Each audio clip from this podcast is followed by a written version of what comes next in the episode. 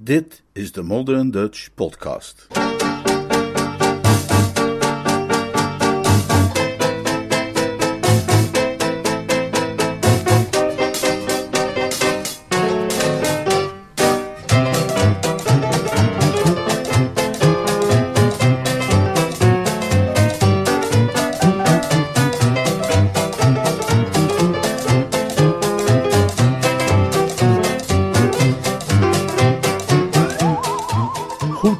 Jeeves.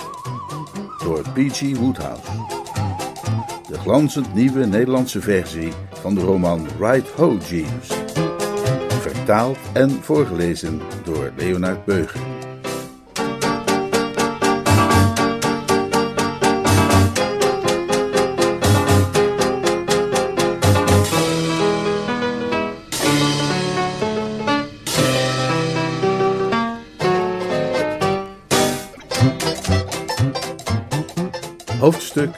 2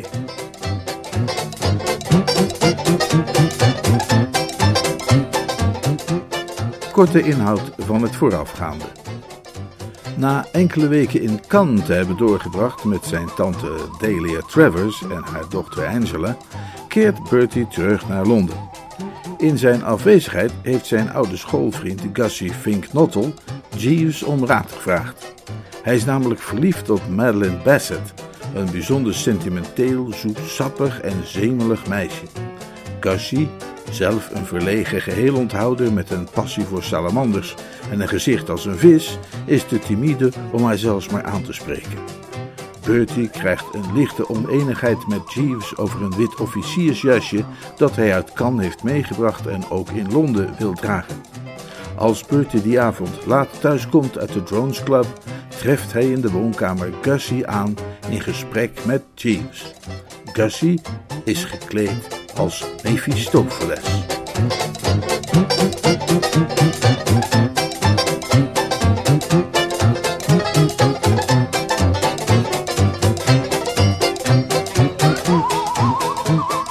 Hij daar, Gussie, zei ik. Het was niet aan mij af te zien, maar ik voelde mij behoorlijk verbijsterd. Die wonderlijke aanblik zou iedereen verbijsteren. Ik bedoel, deze Fink Nottel, zoals ik mij hem herinnerde, was het soort van schuwe, verlegen angsthaas dat waarschijnlijk al zou gaan rillen als een espenblad wanneer hij werd uitgenodigd voor een gezellig kopje thee op de pastorie. En hier zag ik hem staan, als ik mijn zinnen tenminste kon geloven, klaar om deel te nemen aan een gemaskerd bal. Het type evenement dat, zoals bekend, zelfs voor de sociaal behendigsten onder ons een beproeving is. En daar komt nog bij dat hij kennelijk van plan was dat gemaskerde bal bij te wonen, niet, let wel, als een Pierrot, zoals elke beschaafde Engelsman zou doen, maar als Mephistopheles, waaraan natuurlijk, zoals ik niet hoef uit te leggen, niet alleen een felrode maillot te pas komt, maar ook nog een behoorlijk afgrijselijke valse baard. Heel dat zult u toegeven. Maar goed, een mens wil niet meteen met zijn oordeel te koop lopen. Ik liet dus niets merken van mijn kleingeestige verbazing, maar liet een beleefd en quasi-nonchalant hij daar horen. Hij grijnsde me door het struikgewas tegemoet. Een nogal schaapachtige grijns, vond ik. Ha, hallo Bertie. Jou heb ik lang niet gezien. Kan ik iets voor je inschenken? Nee, dank je. Ik moet er zo weer vandoor. Ik kwam alleen even langs om aan Jeeves te vragen hoe hij vond dat ik eruit zag. En hoe vind jij dat ik eruit zie, Bertie? Tja, het antwoord op die vraag luidde uiteraard afzichtelijk. Maar wij woesters zijn mannen met tact en met een fijn ontwikkeld gevoel voor het gastheerschap. Wij gaan oude vrienden niet onder ons eigen dak vertellen dat zij een krenking vormen voor het oog. Ik ontweek derhalve de vraag. Uh, ik hoorde al dat je in Londen was, zei ik op ongedwongen toon. Ah ja. Moet jaren geleden geweest zijn dat je hier was. Ah ja. En nu ben je op weg naar een feestelijk avondje, zie ik. Een rilling liep hem zichtbaar over de rug. Hij zag er, viel mij op, angstig uit.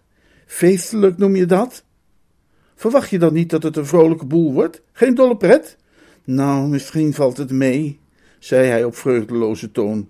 Maar hoe dan ook, ik moet er nu vandoor. Het begint om een uur of elf. Als het goed is, staat mijn taxi nog te wachten.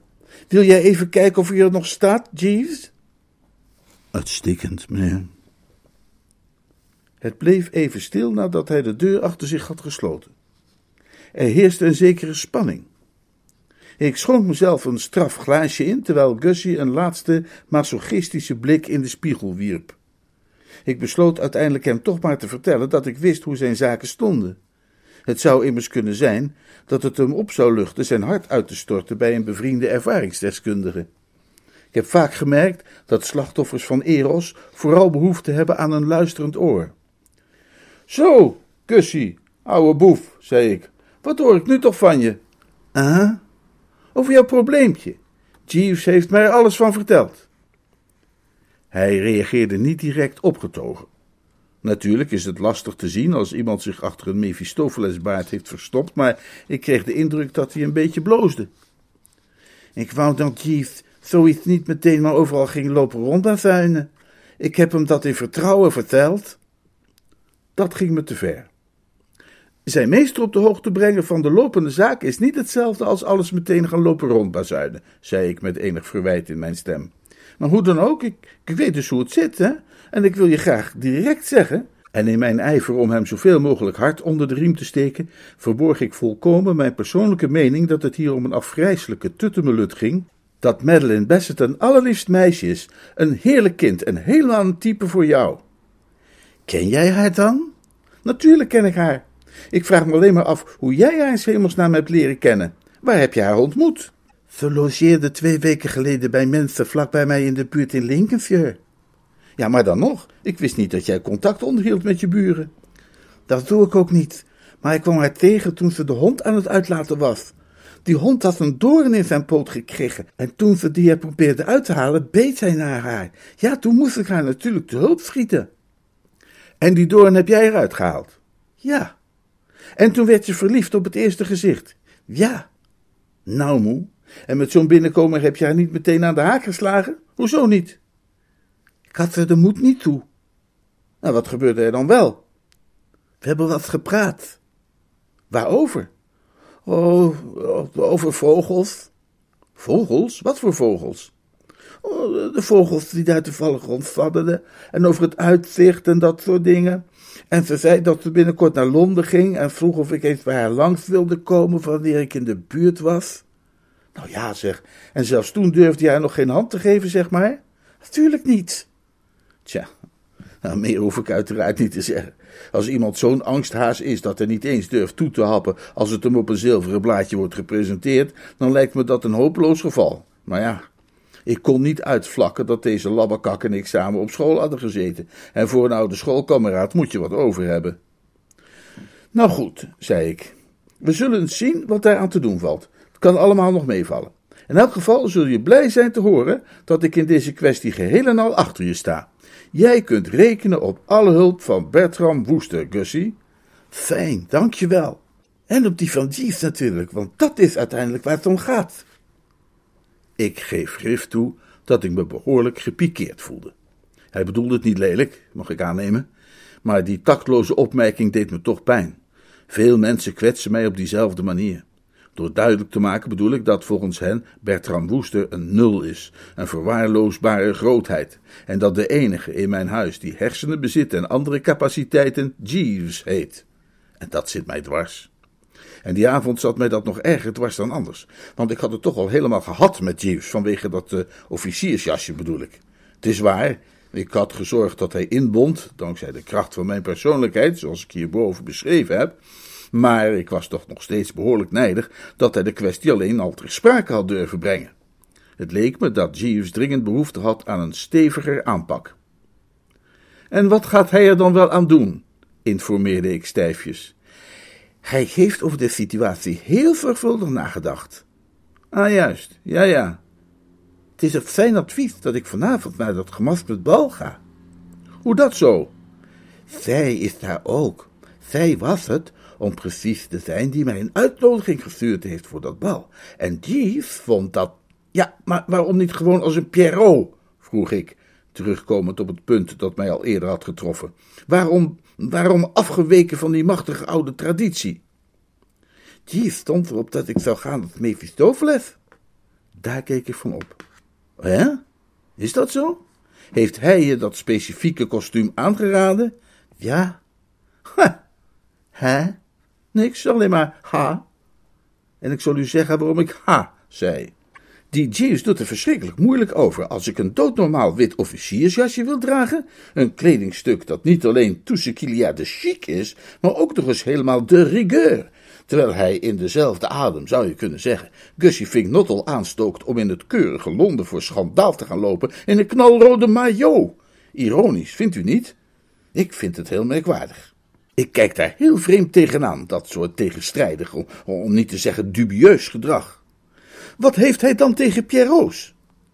Ik geloof niet dat hij zozeer bezwaar heeft tegen Pierre Roos als Pierre Roos, maar hij had het idee dat in mijn geval een Pierrot niet de geschikte keuze was. Dat volg ik even niet. Hij zei dat een Pierrot-kostuum er weliswaar plezierig uitziet, maar dat het niet autoriteit bezit die een Mephistopheles-kostuum met zich meebrengt. Ik snap nog steeds niet helemaal.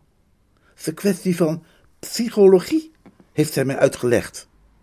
Er is ooit een tijd geweest dat een dergelijke opmerking mij uit het veld geslagen zou hebben, maar dankzij mijn langdurige omgang met Jeeves is het Woesterse vocabulaire aanzienlijk uitgebreid en genuanceerd. Jeeves is altijd een kanje geweest op het gebied van de persoonlijkheidspsychologie. En deze dagen volgde ik hem op de voet wanneer hij daarmee voor de dag komt. Ha, juist, een kwestie van psychologie. Ja, Jeeves is overtuigd van het sterke mentale effect dat deze kleding heeft. Hij denkt dat een markant kostuum als dit mij meer moed zou kunnen geven. Een veeroverkapitein zou dezelfde uitwerking kunnen hebben. Een veeroverkapitein was zelfs zijn eerste voorstel, maar ik had een probleem met die laarzen. Dat begreep ik wel. Er is al droefenis genoeg in het leven zonder dat kerels als Gussie Fink Nottel gaan rondlopen in zeeroverslaarzen. En heb je inderdaad meer moed gekregen? Ja, om helemaal eerlijk te zijn, Bertie, beste kerel, nee. Ik werd getroffen door een golf van medelijden. We hadden elkaar in de afgelopen jaren weliswaar een beetje uit het oog verloren, maar deze jongen en ik hadden toch ooit in inkt gedoopte pijltjes naar elkaar gegooid. Gussie, zei ik, luister naar de raad van een oude vriend en blijf liever mijlenver uit de buurt van dat feest. Maar het is mijn laatste kans om haar nog te zien. Ze vertrekt morgen. Ze gaat logeren bij mensen ergens op het platteland. En bovendien, je weet het nooit. Wat weet je nooit? Of dat idee van Jeeves niet toch zou kunnen werken. Ik voel me op dit moment een afgrijzelijke kluns, dat is waar. Maar wie kan zeggen of dat niet overgaat als ik mij te midden van een hele kudde andere mensen in rare kostuums begeef. Als kind heb ik het ook wel eens ervaren bij een verkleed feestje met kerstmis. Ze hadden mij als konijn uitgedoft en ik schaamde me onuitsprekelijk. Maar toen ik op dat feestje kwam, waren daar massa's kinderen in nog veel idiotere pakjes dan dat van mij. En daar knapte ik enorm van op. Ik heb vervolgens volop gedeeld in de feestvreugde en zoveel gesnoept dat ik twee keer heb overgegeven in de taxi naar huis. Ik bedoel maar, in nuchtere toestand valt dat lastig in te schatten. Ik overwoog wat hij zei. En er zat natuurlijk wel wat in. En het valt natuurlijk niet te ontkennen dat GVD in principe helemaal juist is. In zo'n spetterend pak als deze Mistopheles zou ik misschien best iets heel spectaculairs voor elkaar kunnen krijgen. Kleur maakt inderdaad wel een verschil. Kijk maar eens naar de watersalamander. In de bronstijd is het mannetje van de watersalamander fel gekleurd. En dat legt hem geen windeieren. Ja, maar jij bent geen mannetje salamander. Ja, was dat maar waar. Weet jij hoe een mannetje salamander een aandoek doet, Bertie? Hij gaat eenvoudig recht voor de vrouwtje salamander staan, schudt met zijn staart en buigt zijn lichaam tot een halve cirkel. Dat zou voor mij een fluitje van een vent zijn. Nee, als ik een mannetje salamander was, zou je mij niet horen moppelen. Maar als jij een mannetje salamander was, zou Madeline Bassett niet eens naar je kijken. Niet met het oog der liefde, bedoel ik. Wel, als ze zelf een vrouwtje salamander was. Maar ze is geen vrouwtje salamander. Nee, maar gesteld dus dat ze dat was. Ja, maar als ze dat was, dan zou jij weer niet verliefd op haar zijn. Jawel, als ik een mannetje salamander was, wel. Een licht kloppen van de slapen verriet mij dat deze discussie het verzadigingspunt had bereikt. Nou ja, hoe dan ook, zei ik. Als we ons even tot de harde feiten bepalen en alle speculaties over het schudden met staarten en dergelijke verder buiten beschouwing laten, dan gaat het er dus om dat jij zo dadelijk op een gemaskerd bal geacht wordt te verschijnen. En op basis van mijn rijke ervaring met gemaskerde bals durf ik jou te voorspellen, Gussie, dat jij het daar niet naar je zin gaat hebben. Het is ook geen kwestie van het naar mijn zin hebben. Ik zou niet gaan als ik jou was. Ik moet wel. Ik, ik zeg toch dat ze morgen vertrekt naar ergens ver weg op het platteland? Ik gaf het op. Het zij zo, zei ik. Doe dan maar wat je niet laten kunt. Ja, James? Mr. Finknottle's taxi. Ja. Ah, de taxi, hè? Je, je taxi, Gussie. Oh, de taxi. Oh, ja, natuurlijk. Ja, ja, precies. Uh, uh, dankjewel, Jeeves. Uh, goed, Bertie. Tot ziens en met het soort van zwakke glimlachje dat Romeinse gladiatoren de keizer plachten te schenken wanneer ze de arena betraden, stapte Gussie de deur uit. En ik wendde mij tot Jeeves. Het ogenblik was gekomen om hem eens duidelijk zijn plaats te wijzen, en ik was er helemaal klaar voor. Het was een tikje lastig om een beginnetje te vinden, dat wel uiteraard. Ik wil maar zeggen, Hoewel vast besloten om hem op zijn nummer te zetten, wilde ik zijn gevoelens nu ook weer niet te zeer kneuzen. Zelfs in het tonen van een ijzeren vuist willen wij woesters het graag een beetje plezierig houden. Bij nader inzien evenwel zag ik wel in dat er geen winst te behalen was door de zachte heelmeester te spelen. Het is nooit verstandig om ergens lang omheen te draaien. Jeeves, zei ik, vind je het goed als ik open kaart met je speel? Vanzelfsprekend, ja. Wat ik te zeggen heb, zou je wellicht als kwetsend kunnen ervaren. Volstrekt niet, meneer. Nou, goed dan. Ik heb even met Mr. Finknottel gesproken en hij heeft mij alles verteld over dat Mephistopheles-plan van jou. Ja, meneer. Laten we dat even op een rijtje zetten. Als ik jouw redenatie correct heb gevolgd, ben jij van mening dat Mr. Finknottel, door geheel gekleed te gaan in strakke majo's, gestimuleerd zal worden om bij een confrontatie met het door hem bewonderde wezen met zijn staart te gaan schudden en ook meer in het algemeen zich vrijelijk te laten gaan in romantische zin? Naar mijn oordeel zal hij een goed deel van zijn gebruikelijke bedeesdheid daardoor kunnen afleggen, meneer. Dat ben ik niet met je eens, James. Niet, meneer? Nee, sterker nog, zonder er al te dramatisch over te willen doen, beschouw ik dit van alle beuzelige en onnozele ideeën die ik ooit van mijn leven gehoord heb, toch wel als het meest knullige en zinloze. Dit gaat niet werken. Geen schijn van kans. Alles wat je ermee bereiken zult, is dat Mr. Finknottel erdoor wordt blootgesteld aan de naamloze verschrikkingen van een gemaskerd bal. En het is niet de eerste keer dat ik je dit soort dingen zie doen.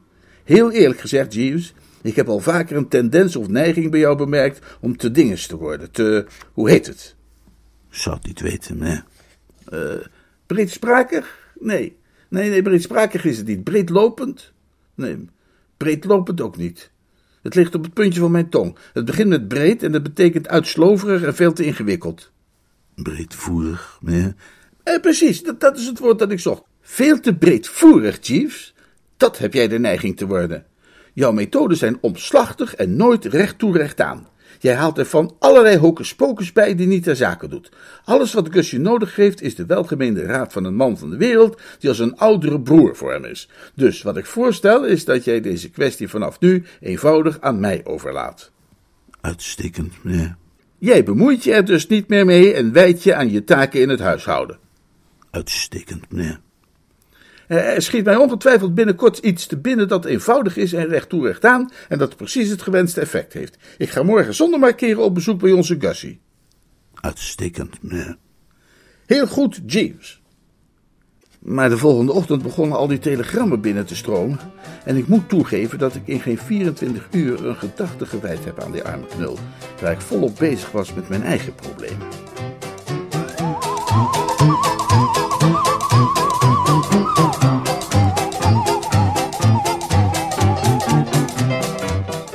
Hoofdstuk 3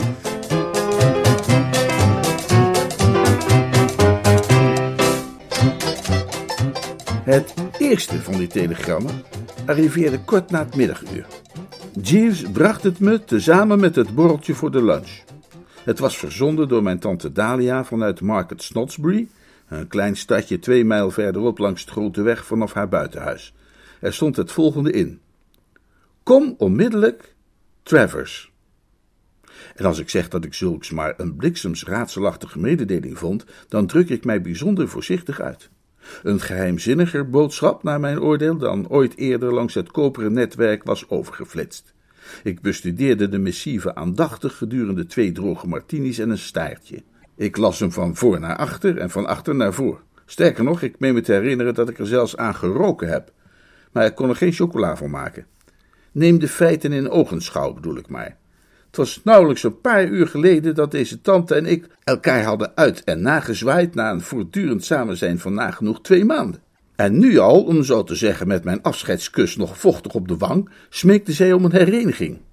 Bertram Woester is niet gewend aan een dusdanig gretige honger naar zijn aanwezigheid. Vraag het maar aan iedereen die je kent en je zult te horen krijgen dat ieder normaal mens na twee maanden van mijn gezelschap het nadrukkelijke gevoel krijgt dat het zo eigenlijk wel genoeg is geweest. Ik heb zelfs mensen gekend die al na enkele dagen in die toestand geraakten. Voordat ik mij zette aan de smakelijke doch voedzame, stuurde ik haar daarom het volgende antwoord. Verbaasd. Leg uit. Bertie. Hierop ontving ik tijdens het dutje na de lunch deze reactie. Waarom in hemelsnaam verbaasd, halve zool? Kom onmiddellijk, Travers. Drie sigaretten en een paar rondjes door de kamer en ik had mijn respons gereed. Hoe bedoelt u, kom onmiddellijk? Groeten, Bertie. Ik vermeld hier haar weerwoord. Ik bedoel onmiddellijk, jij halfgare idioot. Wat dacht je dan dat ik bedoelde? Kom onmiddellijk of ik stuur je morgen per eerste post mijn tantelijke vervloeking. Liefs, Travers. Daarop verzond ik het volgende bericht, daar ik toch een en ander graag helder wilde krijgen. Als u zegt kom, bedoelt u dan kom naar Brinkley Court? En als u zegt onmiddellijk, bedoelt u dan onmiddellijk? Raadselachtig, tast in duister, respectvolle groet, Bertie. Dit exemplaar verstuurde ik onderweg naar de Drones Club, waar ik in aangenaam gezelschap de rest van een ontspannende middag besteedde aan het werpen van kaarten in een hoge hoed. Bij valavond terugkerende trof ik thuis het antwoord aan. Ja, ja, ja, ja, ja, ja, ja. Het maakt niet uit of je het begrijpt of niet. Doe wat ik je zeg en kom gewoon onmiddellijk. En hou in godsnaam op met dat terugbabbelen, eigenwijs. Denk je soms dat ik zo stinkend rijk ben dat ik jou elke tien minuten een telegram kan blijven sturen? Hou op met dat stomme gedoe en kom onmiddellijk. Liefs, Travers. Op dat moment kreeg ik sterk de behoefte eens te horen wat een ander ervan vond en ik schelde om Jeeves. Jeeves, zei ik, Geheimzinnige buien naderen uit de richting van Worcestershire. Lees dit eens. En ik overhandigde hem het dossier. Hij bladerde het door. Wat maak jij hieruit op, Jeeves? Ik meen dat Mrs. Travers wenst dat u onmiddellijk komt, meneer. Ah, dat concludeer jij er dus ook uit? Ja, meneer. Ja, dat is ook mijn interpretatie. Maar waarom, Jeeves? Jan Dory zegt, ik heb net bijna twee maanden op haar lip gezeten. Ja, meneer terwijl veel mensen twee dagen de gepaste dosis achter voor een volwassene. Precies, meneer, ik zie uw punt. Mrs. Travers blijft evenwel nadrukkelijk aandringen. Het lijkt mij verstandig met haar verzoek in te stemmen. En daarheen te karren, bedoel je? Ja, meneer. Tja, dat, dat kan in elk geval niet meteen. Ik heb een belangrijke bijeenkomst op de Drones Club vanavond. Pongo Twisselton viert zijn verjaardag, weet je nog wel? Ja, meneer. Het bleef even stil. Wij herinnerden ons allebei de kleine oneenigheid die tussen ons was gerezen. Ik voelde mij genoodzaakt er even op terug te komen. Jij uh, had het helemaal mis wat dat witte officiersjasje betreft, Jeeves. Dergelijke zaken zijn een kwestie van smaak, meneer. Toen ik dat in kant droeg in het casino, stoten mooie vrouwen elkaar aan en fluisterden: Wie is die man? De casino's op het continent zijn berucht om hun weinig strikte kledingcode, meneer. En toen ik het gisteren aan Pongo beschreef, vond hij het heel intrigerend. Werkelijk, meneer? En de rest van de aanwezigen ook. Ze hebben mij allemaal gefeliciteerd met mijn keuze. Eenstemmig. Werkelijk, meneer? Ik weet zeker dat jij op den duur ook van dat jasje zult gaan houden, Jeeves. Ik ben bang van niet, meneer. Ik gaf het op. Het heeft geen enkele zin met Jeeves in discussie te gaan bij dit soort gelegenheden. Stronteigerwijs is het woord dat een mens daarbij voor de lippen komt. Men slaakt een zucht en gaat over tot de orde van de dag. Nou ja, hoe dan ook. Nog even over de agenda. Ik kan voorlopig niet naar Brinkley Court of waar dan ook naartoe. Punt uit. We doen het zo, Jeeves. Als je me een potlood aangeeft en een telegramformulier, dan zal ik haar nu meteen bericht sturen dat ik volgende week of de week daarna wel eens langskom. Sorry hoor, maar ze moeten toch een paar dagjes zonder mij kunnen uithouden. Daar is enkel wat wilskracht voor nodig. Ja, meneer. Goed dan. Ik telegrafeer haar iets van arriveer met uh, twee à drie weken. Dat moet voldoende zijn. Als jij dan even naar het postkantoor loopt om dat te versturen, hebben we dat ook weer gehad. Uitstekend, meneer. En zo tikten de uren kalm voorbij, totdat het tijd was om mij te gaan verkleden voor Pongo's feestje. Toen wij er de avond tevoren over te spreken kwamen, had Pongo mij verzekerd dat die verjaarspartij van hem van wereldschokkende klasse zou zijn, en ik moet zeggen dat ik inderdaad wel eens minder vorstelijk onthaald ben. Het was ruimschoots na vieren dat ik thuis kwam, en tegen die tijd was ik ook wel aan mijn schoonheidsslaapje toe. Ik kan me nog juist herinneren dat ik inderdaad mijn bed zowaar heb weten te bereiken en er ingeklommen ben, maar ik kreeg de indruk dat mijn oor nog maar juist het kussen geraakt had toen ik werd gestoord door het geluid van de deur die openging. Ik wist nauwelijks adem te halen, maar het lukte me een ooglid open te doen. Uh, ben jij daar met de thee, Jeeves? Nee, meneer. Met Mrs. Travis. En een tel later was daar een geluid gelijk als van in geweldigen gedreven wind, en passeerde mijn bloedverwante de drempel met 80 km per uur onder volle teugage.